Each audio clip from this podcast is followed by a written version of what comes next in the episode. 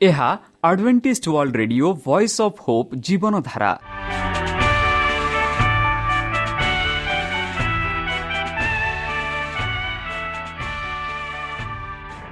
Odia radio କାର୍ଯ୍ୟକ୍ରମ ଯାହା ଆମର ଆନ୍ତର୍ଜାତୀୟ ଆଘାତ କେନ୍ଦ୍ରରୁ ପ୍ରସାରଣ କରାଯାଉଛି ପ୍ରତିଦିନ ରାତି ନଅଟା ତିରିଶ ମିନିଟ୍ରେ।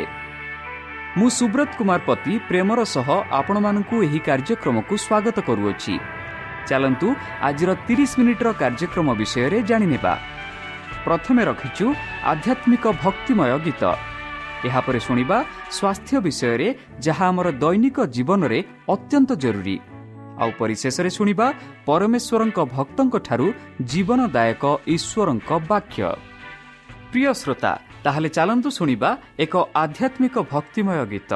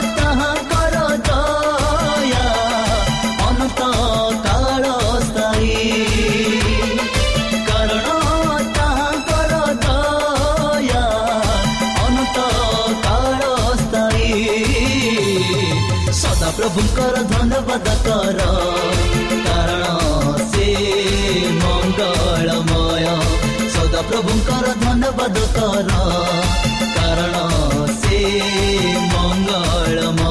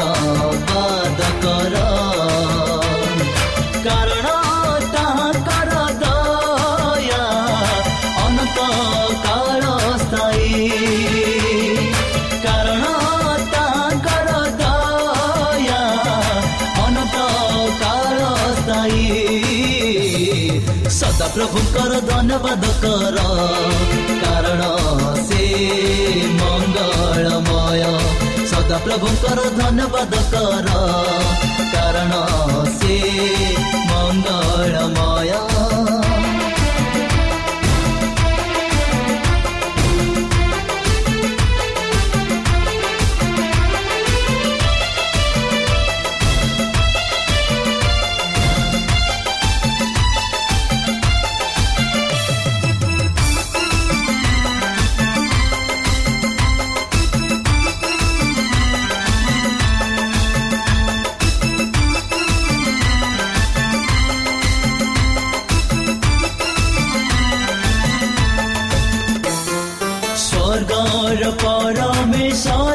ପରମେଶ୍ୱରଙ୍କର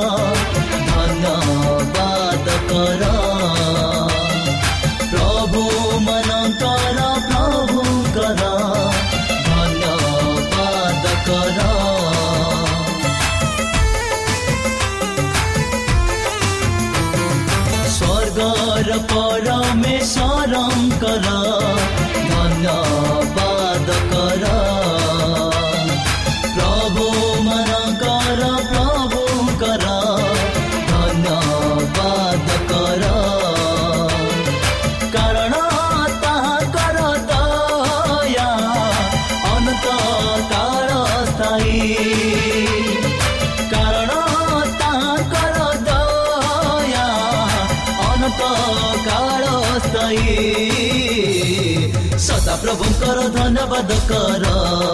କାରଣ ସେ ମଙ୍ଗଳମୟ। ସଦା ପ୍ରଭୁଙ୍କର ଧନ୍ୟବାଦ କର। କାରଣ ସେ ମଙ୍ଗଳମୟ।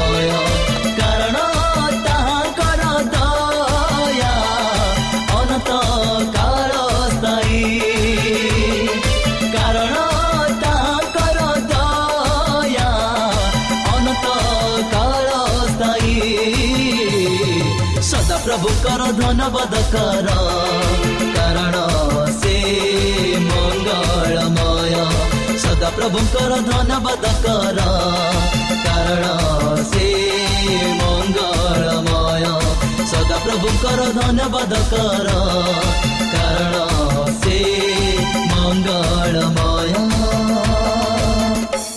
ପ୍ରିୟ ଶ୍ରୋତା ଆମେ ଆଶା କରୁଛୁ ଯେ ଆମର କାର୍ଯ୍ୟକ୍ରମ ଆପଣମାନଙ୍କୁ ପସନ୍ଦ ଲାଗୁଥିବ ଆପଣଙ୍କର ମତାମତ ଜଣାଇବା ପାଇଁ ଆମର ଏହି ଠିକଣାରେ ଯୋଗାଯୋଗ କରନ୍ତୁ ଆମ ଠିକଣା advantage media centre SDA mission compound Salisbury park Pune ଚାରି ଏକ ଏକ ଶୂନ ତିନି ସାତ ମହାରାଷ୍ଟ୍ର ବା ଖୋଲନ୍ତୁ ଆମର ୱେବ୍ସାଇଟ୍ ଯେକୌଣସି android phone smartphone desktop laptop କିମ୍ବା ଟ୍ୟାବ୍ଲେଟ୍ ଆମର website W W W dot A W R dot O R G slash O R I ଏବଂ W W W dot Adventist media centre India dot O R ବର୍ତ୍ତମାନ ଚାଲନ୍ତୁ ଶୁଣିବା ଈଶ୍ୱରଙ୍କ ଭକ୍ତଙ୍କଠାରୁ ଈଶ୍ୱରଙ୍କ ଜୀବନଦାୟକ ବାକ୍ୟ ନମସ୍କାର ପ୍ରିୟ ଶ୍ରୋତା ସେହି ସର୍ବଶକ୍ତି ସର୍ବଜ୍ଞାନୀ ପ୍ରେମର ସାଗର ଦୟାମୟ ଅନ୍ତର୍ଜମୀ ଅନୁଗ୍ରହ ପରମ ପିତାଙ୍କ ମଧୁର ନାମରେ ମୁଁ ପାଷ୍ଟ ପୂର୍ଣ୍ଣଚନ୍ଦ୍ର ଆଉ ଥରେ ଆପଣମାନଙ୍କୁ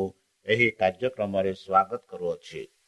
ପ୍ରିୟ ଶ୍ରୋତା ସେହି ସର୍ବଶକ୍ତି ପରମେଶ୍ୱର ଆପଣମାନଙ୍କୁ ଆଶୀର୍ବାଦ କରନ୍ତୁ।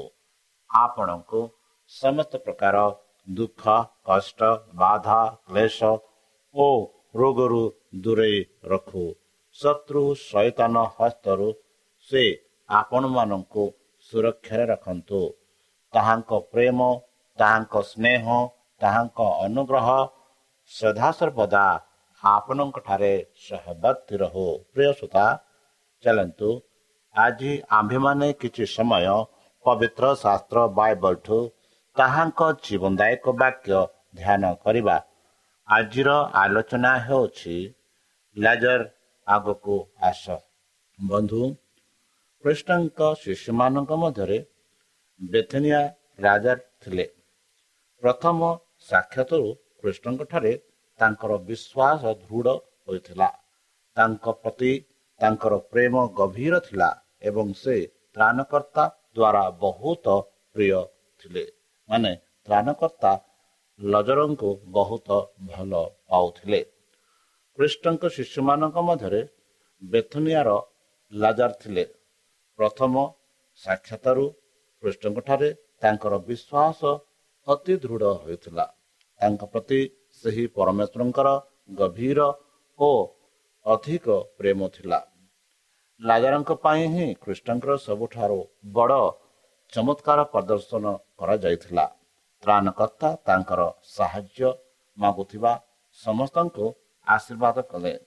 ସେ ସମସ୍ତ ମାନବ ପରିବାରକୁ ଭଲ ପାଆନ୍ତି କିନ୍ତୁ କେତେକଙ୍କ ପାଇଁ ସେ ସ୍ୱତନ୍ତ୍ର କୋମଳ ସଂଗଠନ ଦ୍ୱାରା ବନ୍ଧ।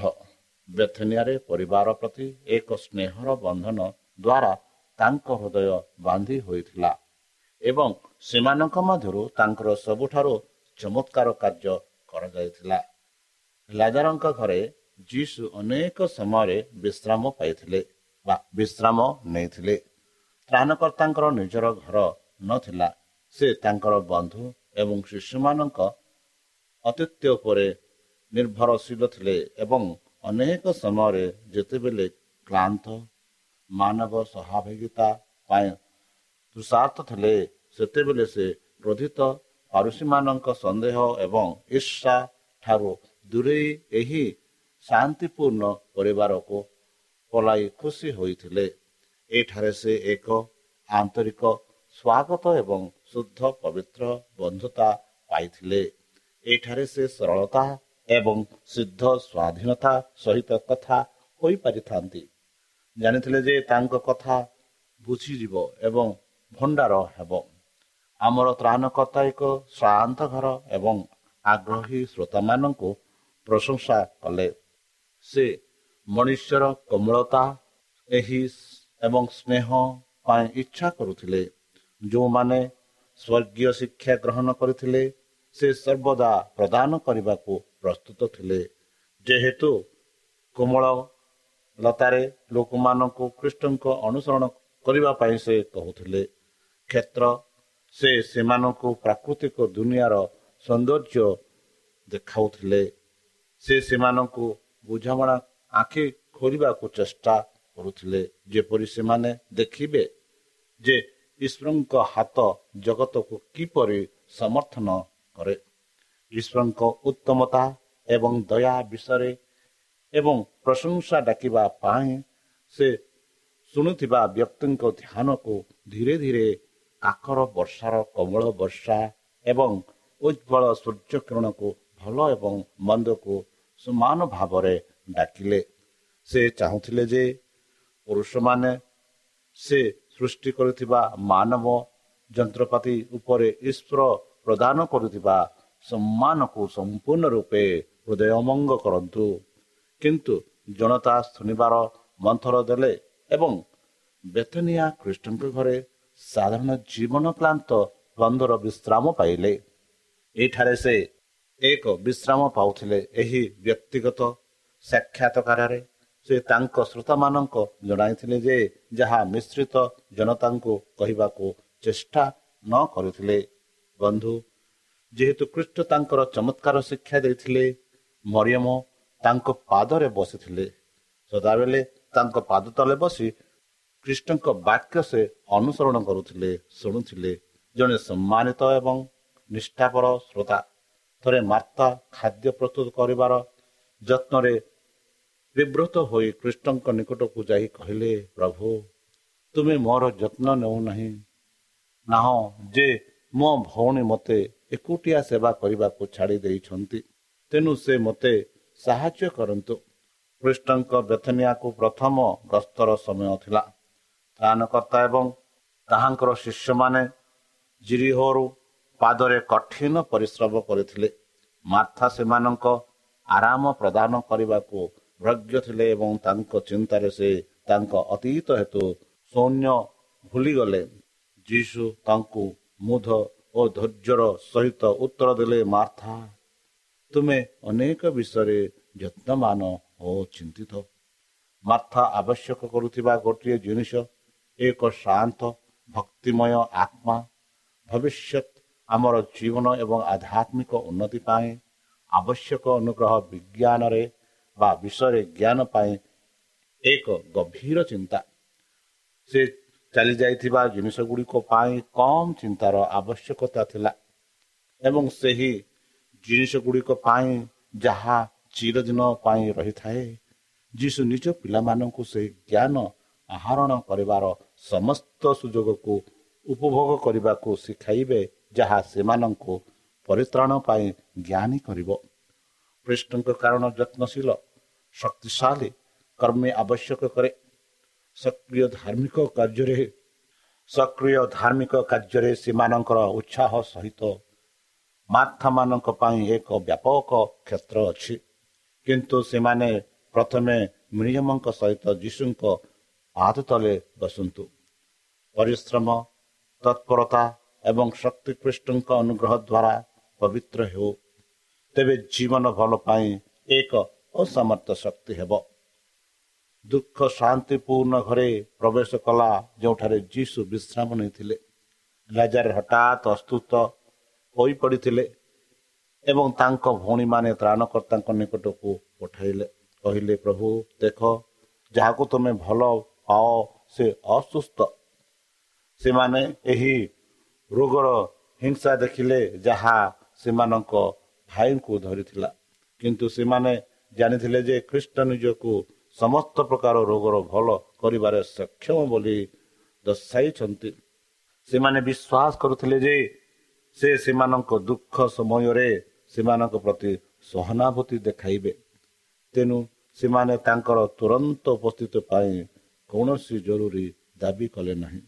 ମାତ୍ର କେବଳ ଗୁପ୍ତ ବାର୍ତ୍ତା ପଠାଇଲେ ଯାହାକୁ ତୁମେ ଭଲ ପାଅ ସେ ଅସୁସ୍ଥ ସେମାନେ ଭାବିଲେ ଯେ ସେ ତୁରନ୍ତ ସେମାନଙ୍କ ବାର୍ତ୍ତାକୁ ପ୍ରତିକ୍ରିୟା କରିବେ ଏବଂ ସେ ବେଥେନିଆରେ ପହଞ୍ଚିବା ମାତ୍ରେ ସେମାନଙ୍କ ସହିତ ରହିବେ। ବନ୍ଧୁ ସେମାନେ ଉକ୍ନିଷ୍ଟ ହୋଇ ଯୀଶୁଙ୍କ ଠାରେ ଗୋଟିଏ ଶବ୍ଦକୁ ଅପେକ୍ଷା କଲେ ବା ବାକ୍ୟକୁ ଅପେକ୍ଷା କଲେ। ଯେ ପର୍ଯ୍ୟନ୍ତ ଜୀବନର ସ୍ପର୍ଶ ସେମାନଙ୍କ ଭାଇରେ ଜୀବିତ ଥିଲା ସେମାନେ ପ୍ରାର୍ଥନା କଲେ ଏବଂ ଯୀଶୁଙ୍କ ଆଗମନକୁ ଅପେକ୍ଷା କଲେ। କିନ୍ତୁ ଦୂତ ତାଙ୍କ ବିନା ଫେରିଲେ। ତଥାପି ସେ ବାର୍ତ୍ତା ଆଣିଥିଲେ ଏହି ରୋଗ ମୃତ୍ୟୁ ପର୍ଯ୍ୟନ୍ତ ନୁହେଁ ଏବଂ ସେମାନେ ଲାଜାର ବଞ୍ଚିବେ ବୋଲି ଆଶା ବାନ୍ଧିଥିଲେ। କୋମଳମତୀ ଭାବରେ ସେମାନେ ପ୍ରାୟ ଚେତାଶୂନ୍ୟ ରୋଗୀଙ୍କୁ ଆଶା ଏବଂ ଉତ୍ସାହର କଥା କହିବାକୁ ଚେଷ୍ଟା କଲେ। ଯେତେବେଳେ ଲାଜାରଙ୍କ ମୃତ୍ୟୁ ହେଲା ସେମାନେ ଅତ୍ୟନ୍ତ ନିରାଶ ହେଲେ କିନ୍ତୁ ସେମାନେ ଖ୍ରୀଷ୍ଟଙ୍କ ସ୍ଥାୟୀ ଅନୁଗ୍ରହ ଅନୁଭବ କଲେ ଏବଂ ଏହା ସେମାନଙ୍କୁ ତ୍ରାଣକର୍ତ୍ତାଙ୍କ ପରେ କୌଣସି ଦୋଷ ପ୍ରତିଫଳିତ କରିବାକୁ ବାରଣ କଲା। ଯେତେବେଳେ ଖ୍ରୀଷ୍ଟ ଏହି ବାର୍ତ୍ତା ଶୁଣିଲେ ଶିଷ୍ୟମାନେ ଭାବିଲେ ଯେ ସେ ଏହାକୁ ଶୀତଳ ଭାବରେ ଗ୍ରହଣ କରିଛନ୍ତି। ସେମାନେ ତାଙ୍କୁ ଦେଖାଇବାକୁ ଆଶା କରୁଥିବା ଦୁଃଖ ପ୍ରକାଶ କଲେ ନାହିଁ। ସେ ସେମାନଙ୍କୁ ଅନାଇ କହିଲେ ଏହି ରୋଗ ମୃତ୍ୟୁ ପର୍ଯ୍ୟନ୍ତ ନୁହେଁ। ବରଂ ଈଶ୍ୱରଙ୍କ ଗୌରବ ନିମନ୍ତେ ଈଶ୍ୱରଙ୍କ ପୁତ୍ର ଗୌରବ ବାହାନିତ୍ୱ ହେବେ। ସେ ସେଠାରେ ଥିବା ସ୍ଥାନରେ ଦୁଇ ଦିନ ରହିଲେ। ଏହି ବିଳମ୍ବ ଶିଷ୍ୟମାନଙ୍କ ପାଇଁ ଏକ ରହସ୍ୟ ଥିଲା। ଦୁଃଖୀ ପରିବାର ପାଇଁ ତାଙ୍କ ଉପସ୍ଥିତ କେତେ ଆରାମଦାୟକ ହେବ। ସେମାନେ ଭାବିଲେ ବେଥନିଆରେ ପରିବାର ପ୍ରତି ତାଙ୍କର ପ୍ରବଳ ସ୍ନେହ ଶିଷ୍ୟମାନଙ୍କୁ ଭଲ ଭାବରେ ଜଣାଇଥିଲା। ଏବଂ ସେମାନେ ଆଶ୍ଚର୍ଯ୍ୟ ହୋଇଗଲେ ଯେ ସେ ଯାହାକୁ ପ୍ରେମ କରନ୍ତି ସେ ଅସୁସ୍ଥ ଅଛନ୍ତି। ଦୁଇ ଦିନ ମଧ୍ୟରେ ଖ୍ରୀଷ୍ଟ ତାଙ୍କ ମନରୁ ବାର୍ତ୍ତା ଖାରଜ କରିଦେଲେ କାରଣ ସେ ଲାଜାର ବିଷୟରେ କିଛି କହିନଥିଲେ। ଶିଷ୍ୟମାନେ ବାପ୍ଟିଜଙ୍କ ଜହନଙ୍କ ବିଷୟରେ ଭାବିଲେ ଯୀଶୁଙ୍କ ଅଗ୍ରଦୂତ। ସେମାନେ ଆଶ୍ଚର୍ଯ୍ୟ ହୋଇଥିଲେ ଯେ ଯୀଶୁ ଚମତ୍କାର କରିବାର ଶକ୍ତି ସହିତ ଜହନଙ୍କୁ କାରାଗାରରେ ରହିବାକୁ ଅନୁମତି ଦେଲେ ଏବଂ ଏକ ଭୟଙ୍କର ମୃତ୍ୟୁରେ ମୃତ୍ୟୁବରଣ କଲେ ଏପରି ଶକ୍ତି ପାଇ ଖ୍ରୀଷ୍ଟ କାହିଁକି ଜହନଙ୍କ ଜୀବନ ରକ୍ଷା କଲେ ନାହିଁ ଏହି ପ୍ରଶ୍ନ ଫାରୁସୀମାନଙ୍କ ଠାରୁ ପ୍ରାୟତଃ ପଚରା ଯାଇଥିଲା ଯିଏ ଖ୍ରୀଷ୍ଟଙ୍କ ଈଶ୍ୱରଙ୍କ ପୁତ୍ର ବୋଲି ଦାବି ବିରୁଦ୍ଧରେ ଏହାକୁ ଏକ ଉତ୍ତରହୀନ ଯୁକ୍ତି ଭାବରେ ଉପସ୍ଥାପନା କରିଥିଲେ ତ୍ରାଣକର୍ତ୍ତା ନିଜ ଶିଷ୍ୟମାନଙ୍କୁ ପରୀକ୍ଷା କ୍ଷତି ଏବଂ ନିର୍ଯାତନା ବିଷୟରେ ଚେତାବନୀ ଦେଲେ। ସେ ପରୀକ୍ଷା ସମୟରେ ସେମାନଙ୍କୁ ପରିତ୍ୟାଗ କରିବେ ଏହା ବି ସେ କହିଥିଲେ। କେହି କେହି ପ୍ରଶ୍ନ କରିଥିଲେ ଯେ ସେମାନେ ତାଙ୍କ କାର୍ଯ୍ୟକୁ ଭୁଲ କରିଛନ୍ତି ବା ଭୁଲ ଭାବିଛନ୍ତି। ସମସ୍ତେ ଗଭୀର ଅସୁବିଧାରେ ପଡ଼ିଥିଲେ। ଦୁଇ ଦିନ ଅପେକ୍ଷା କରିବା ପରେ ଯୀଶୁ ଶିଷ୍ୟମାନଙ୍କୁ କହିଲେ ଚାଲ ପୁଣି ଯୋଉଦାକୁ ଯିବା। ଶିଶୁମାନେ ପ୍ରଶ୍ନ କଲେ ଯଦି ଯୀଶୁ ଯୋଉଦାକୁ ଯାଉଛନ୍ତି ତେବେ ସେ ଦୁଇ ଦିନ ଅପେକ୍ଷା କରିଥିଲେ। କିନ୍ତୁ କୃଷ୍ଣଙ୍କ ପାଇଁ ଏବଂ ନିଜ ପାଇଁ ଚିନ୍ତା ବର୍ତ୍ତମାନ। ସେମାନଙ୍କ ମନରେ ସର୍ବୋଚ୍ଚ ଥିଲା। ସେ ଅନୁସରଣ କରିବାକୁ ଯାଉଥିବା ପଥରେ ସେମାନେ ବିପଦ ଛଡ଼ା ଆଉ କିଛି ଦେଖିପାରିଲେ ନାହିଁ। ସେମାନେ କହିଲେ ଗୁରୁ ବିଳମ୍ବରେ ଥିବା ଯେଉଁଦୀମାନେ ତୁମକୁ ପଥର ଫିଙ୍ଗିବାକୁ ଚେଷ୍ଟା କଲେ। ଆଉ ତୁମ୍ଭେ ସେଠାକୁ ଯାଅ କି? ଯୀଶୁ ଉତ୍ତର ଦେଲେ ଦିନରେ ବାର ଘଣ୍ଟା ନାହିଁ କି? ମୁଁ ମୋର ପିତାଙ୍କ ମାର୍ଗଦର୍ଶନରେ ଅଛି। ଯେ ପର୍ଯ୍ୟନ୍ତ ମୁଁ ତାଙ୍କ ଇଚ୍ଛା ପାଳନ କରିବି ମୋ ଜୀବନର ସୁରକ୍ଷିତ ସୁରକ୍ଷିତ ଅଛି। ମୋର ବାର ଘଣ୍ଟା ଦିନ ଏପର୍ଯ୍ୟନ୍ତ ସମାପ୍ତ ହୋଇନାହିଁ। ମୁଁ ମୋର ଦିନର ଶେଷ ଅବଶିଂସାରେ ପ୍ରବେଶ କରିଛି। କିନ୍ତୁ ଯେତେବେଳେ ଏହା ମଧ୍ୟରୁ କୌଣସିଠି ରହିଥାଏ ମୁଁ ସୁରକ୍ଷିତ ଅଛି। ସେ ଜାରି ରଖିଛନ୍ତି। ଯଦି କୌଣସି ବ୍ୟକ୍ତି ଦିନରେ ଚାଲନ୍ତି ସେ ଝୁଣ୍ଟି ପଡ଼ନ୍ତି ନାହିଁ କାରଣ ସେ ଏହି ଜଗତର ଆଲୋକ ଦେଖନ୍ତି। ଯିଏ ଈଶ୍ୱରଙ୍କ ଠାରେ ଇଚ୍ଛା କରେ ଯେ ଈଶ୍ୱର ଚିଦନ୍ତ ମାର୍ଗରେ ଚାଲନ୍ତି ସେ ଝୁଣ୍ଟି ପଡ଼ନ୍ତି ନାହିଁ। ଈଶ୍ୱରଙ୍କ ମାର୍ଗଦର୍ଶନ ଆତ୍ମର ଆଲୋକ ତାଙ୍କୁ ନିଜ କର୍ତ୍ତବ୍ୟ ବିଷୟରେ ଏକ ସ୍ପଷ୍ଟ ଧାରଣା ଦେଇଥାଏ ଏବଂ କାର୍ଯ୍ୟ ଶେଷ ହେବା ପର୍ଯ୍ୟନ୍ତ ତାଙ୍କୁ ଠିକ କରିଥାଏ। କିନ୍ତୁ ଯଦି କୌଣସି ଲୋକ ରାତିରେ ଚାଲନ୍ତି ତେବେ ସେ ଝୁଣ୍ଟି ପଡ଼େ। କାରଣ ତାଙ୍କଠାରେ ଆଲୋକ ନାହିଁ। ଯିଏ ନିଜ ପସନ୍ଦରେ ପଥର ଯାଏ ଯେଉଁଠାରେ ଈଶ୍ୱର ତାଙ୍କୁ ଡାକିନଥାଏ ସେ ଝୁଣ୍ଟି ପଡ଼ିବେ। ତାଙ୍କ ପାଇଁ ଦିନଟି ରାତିରେ ପରିଣତ ହୁଏ ଏବଂ ସେ ଯେଉଁଠାରେ ଥାଆନ୍ତି ସେ ସୁରକ୍ଷିତ ନୁହନ୍ତି। ଏହି ସବୁ କଥା ସେ କହିଥିଲେ ବନ୍ଧୁ ଏହାପରେ ସେ ସେମାନଙ୍କୁ କହିଲେ ଆମର ବନ୍ଧୁ ଲାଜାର ଶୋଇଛନ୍ତି କିନ୍ତୁ ମୁଁ ଯାଉଛି ଯେ ମୁଁ ତାଙ୍କୁ ନିଦରୁ ଉଠାଇବି। ଆମର ବନ୍ଧୁ ଲାଜାର ଶୋଇଛନ୍ତି। ବାକ୍ୟ ଗୁଡ଼ିକ କେତେ ସ୍ପର୍ଶକାରତର ସମବେଦନାର ପରିପୂର୍ଣ୍ଣ। ସେମାନଙ୍କ ଗୁରୁ ଜେରୁସାଲାମକୁ ଯାଇ ବିପଦ ବିଷୟରେ ଭାବିଥିଲେ। ଶିଶୁମାନେ ବେଥନିଆରେ ଶୋକ ପ୍ରନ୍ତପ ପରିବାରକୁ ପ୍ରାୟ ଭୁଲି ଯାଇଥିଲେ. କିନ୍ତୁ ଖ୍ରୀଷ୍ଟ ନୁହେଁ ଶିଶୁମାନେ ଭର୍ଜନା କଲେ ସେମାନେ ନିରାଶ ହୋଇଥିଲେ କାରଣ ଖ୍ରୀଷ୍ଟ ବାର୍ତ୍ତାଙ୍କୁ ଶୀଘ୍ର ପ୍ରତିକ୍ରିୟା କରିନଥିଲେ ସେମାନେ ଭାବିବାକୁ ପ୍ରଲୋଭିତ ହୋଇଥିଲେ ଯେ ରାଜାର ଏବଂ ତାଙ୍କ ଭଉଣୀମାନଙ୍କ ପ୍ରତି ତାଙ୍କର କମଳ ପ୍ରେମ ନାହିଁ ଯାହା ସେମାନେ ଭାବିଥିଲେ କିମ୍ବା ସେ ଦୂତ ସହିତ ଶୀଘ୍ର ଫେରି ନାହାନ୍ତି ବନ୍ଧୁ ସେହି ସଦା ପ୍ରଭୁ ପରମେଶ୍ୱର ଯିଏକି ମଣିଷ ପାଇଁ ଏହି ପୃଥିବୀକୁ ଆସିଲେ ମଣିଷର ଅଭାବ ମଣିଷର ଦୁଃଖ ମଣିଷର କଷ୍ଟ ସବୁ ସେ ଜାଣିଛନ୍ତି। ବର୍ତ୍ତମାନ ସେହି ଯୀଶୁ ସେହି ପରିବାରକୁ ମନେ କରୁଛନ୍ତି। ସେହି ପରିବାରକୁ କେବେ ଭୁଲି ଯାଇନଥିଲେ ସେହିପରି ସେହି ସଦାପ୍ରଭୁ ପରମେଶ୍ୱର ଆମ ପରିବାରକୁ କେବେ ହେଲେ ଭୁଲିବେ ନାହିଁ। ଆମେ ସଦାସର୍ବଦା ତାଙ୍କ ଛାମୁରେ ଛାମୁରେ ଅଛୁ। ତାହେଲେ ଚାଲନ୍ତୁ ସେହି ସଦାପ୍ରଭୁ ପରମେଶ୍ୱରଙ୍କ ଠାରେ ନିଜକୁ ସମର୍ପଣ କରି ତାହାଙ୍କ ମଧ୍ୟ ନାମରେ ଆମେ ପ୍ରାର୍ଥନା ଉଚ୍ଚକ କରିବା। ହେ ଆମମାନଙ୍କ ସର୍ବଶକ୍ତି ସର୍ବଜ୍ଞାନୀ ପ୍ରେମର ସାଗର ଦୟାମୟ ଅନ୍ତର୍ଜମୀ ଅନୁଗ୍ରହ ପିତା ଧନ୍ୟବାଦ ଅର୍ପଣ କରୁଛୁ ପ୍ରଭୁ। ବର୍ତ୍ତମାନ ଯେଉଁ ବାକ୍ୟ ତୁମ ସେହି ଭକ୍ତଙ୍କ ଦ୍ୱାରା ଶୁଣାଇଲେ ସେହି ବାକ୍ୟ ଅନୁସାରେ ଆମମାନଙ୍କୁ ଚାଲିବା ପାଇଁ ବୁଦ୍ଧିରେ ଜ୍ଞାନରେ ଶକ୍ତିରେ ପରିପୂର୍ଣ୍ଣ କର। ଆମ ପାପ ସବୁ ତୁମ ସେହି ବହୁମୂଲ୍ୟ ରକ୍ତରେ କରି କହିଦିଅ ପରିଶେଷ ଯେବେ ତୁମେ ତୁମ ସେହି ସହସ୍ରଦୂତଙ୍କ ସହ ଆପଣା ସାଧୁମାନଙ୍କୁ ସଂଗ୍ରହ କରିବା ନିମନ୍ତେ ଆସିବେ ହେ ପରମେଶ୍ୱର ସେତେବେଳେ ଏମାନଙ୍କୁ ଏକ ବାସ ସ୍ଥାନ ଦେବ ବୋଲି ତ୍ରାଣକର୍ତ୍ତା ପ୍ରଭୁ ଯୀଶୁଙ୍କ ମଧୁରମୟ ନାମରେ ଏହି ଛୋଟ ବିକ୍ଷମ ଅଛି। ଶୁଣି ଗ୍ରହଣ କର ଆମେନ୍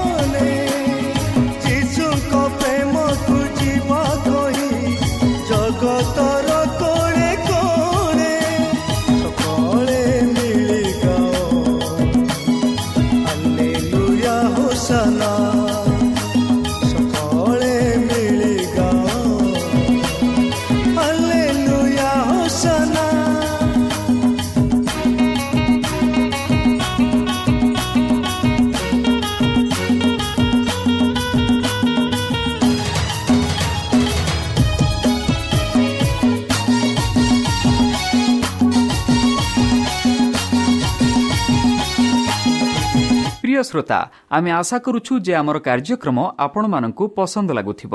ଆପଣଙ୍କର ମତାମତ ଜଣାଇବା ପାଇଁ ଆମର ଏହି ଠିକଣାରେ ଯୋଗାଯୋଗ କରନ୍ତୁ। ଆମ ଠିକଣା Adventist media centre SDA mission compound Salisbury park Pune ଚାରି ଏକ ଏକ ଶୂନ ତିନି ସାତ ମହାରାଷ୍ଟ୍ର। ବା ଖୋଲନ୍ତୁ ଆମର ୱେବସାଇଟ୍ ଯେକୌଣସି android phone smartphone desktop laptop କିମ୍ବା ଟ୍ୟାବ୍ଲେଟ୍। ଆମର website W W W dot A W R dot O R G slash O R I ଏବଂ W W W dot Advantage Media Centre India dot O R G Advantage Media Centre ଇଣ୍ଡିଆର spelling ହେଉଛି A D V E N T I S T M E D I A C E N T R E I N D I A ଅଥବା download କରନ୍ତୁ ଆମର mobile app ଆପଣଙ୍କର mobile play ଷ୍ଟୋରକୁ ଯାଆନ୍ତୁ ଆଉ type କରନ୍ତୁ the voice of pope ଆଉ download କରନ୍ତୁ। ଈଶ୍ୱର ଆପଣଙ୍କୁ ଆଶୀର୍ବାଦ କରନ୍ତୁ। ଧନ୍ୟବାଦ।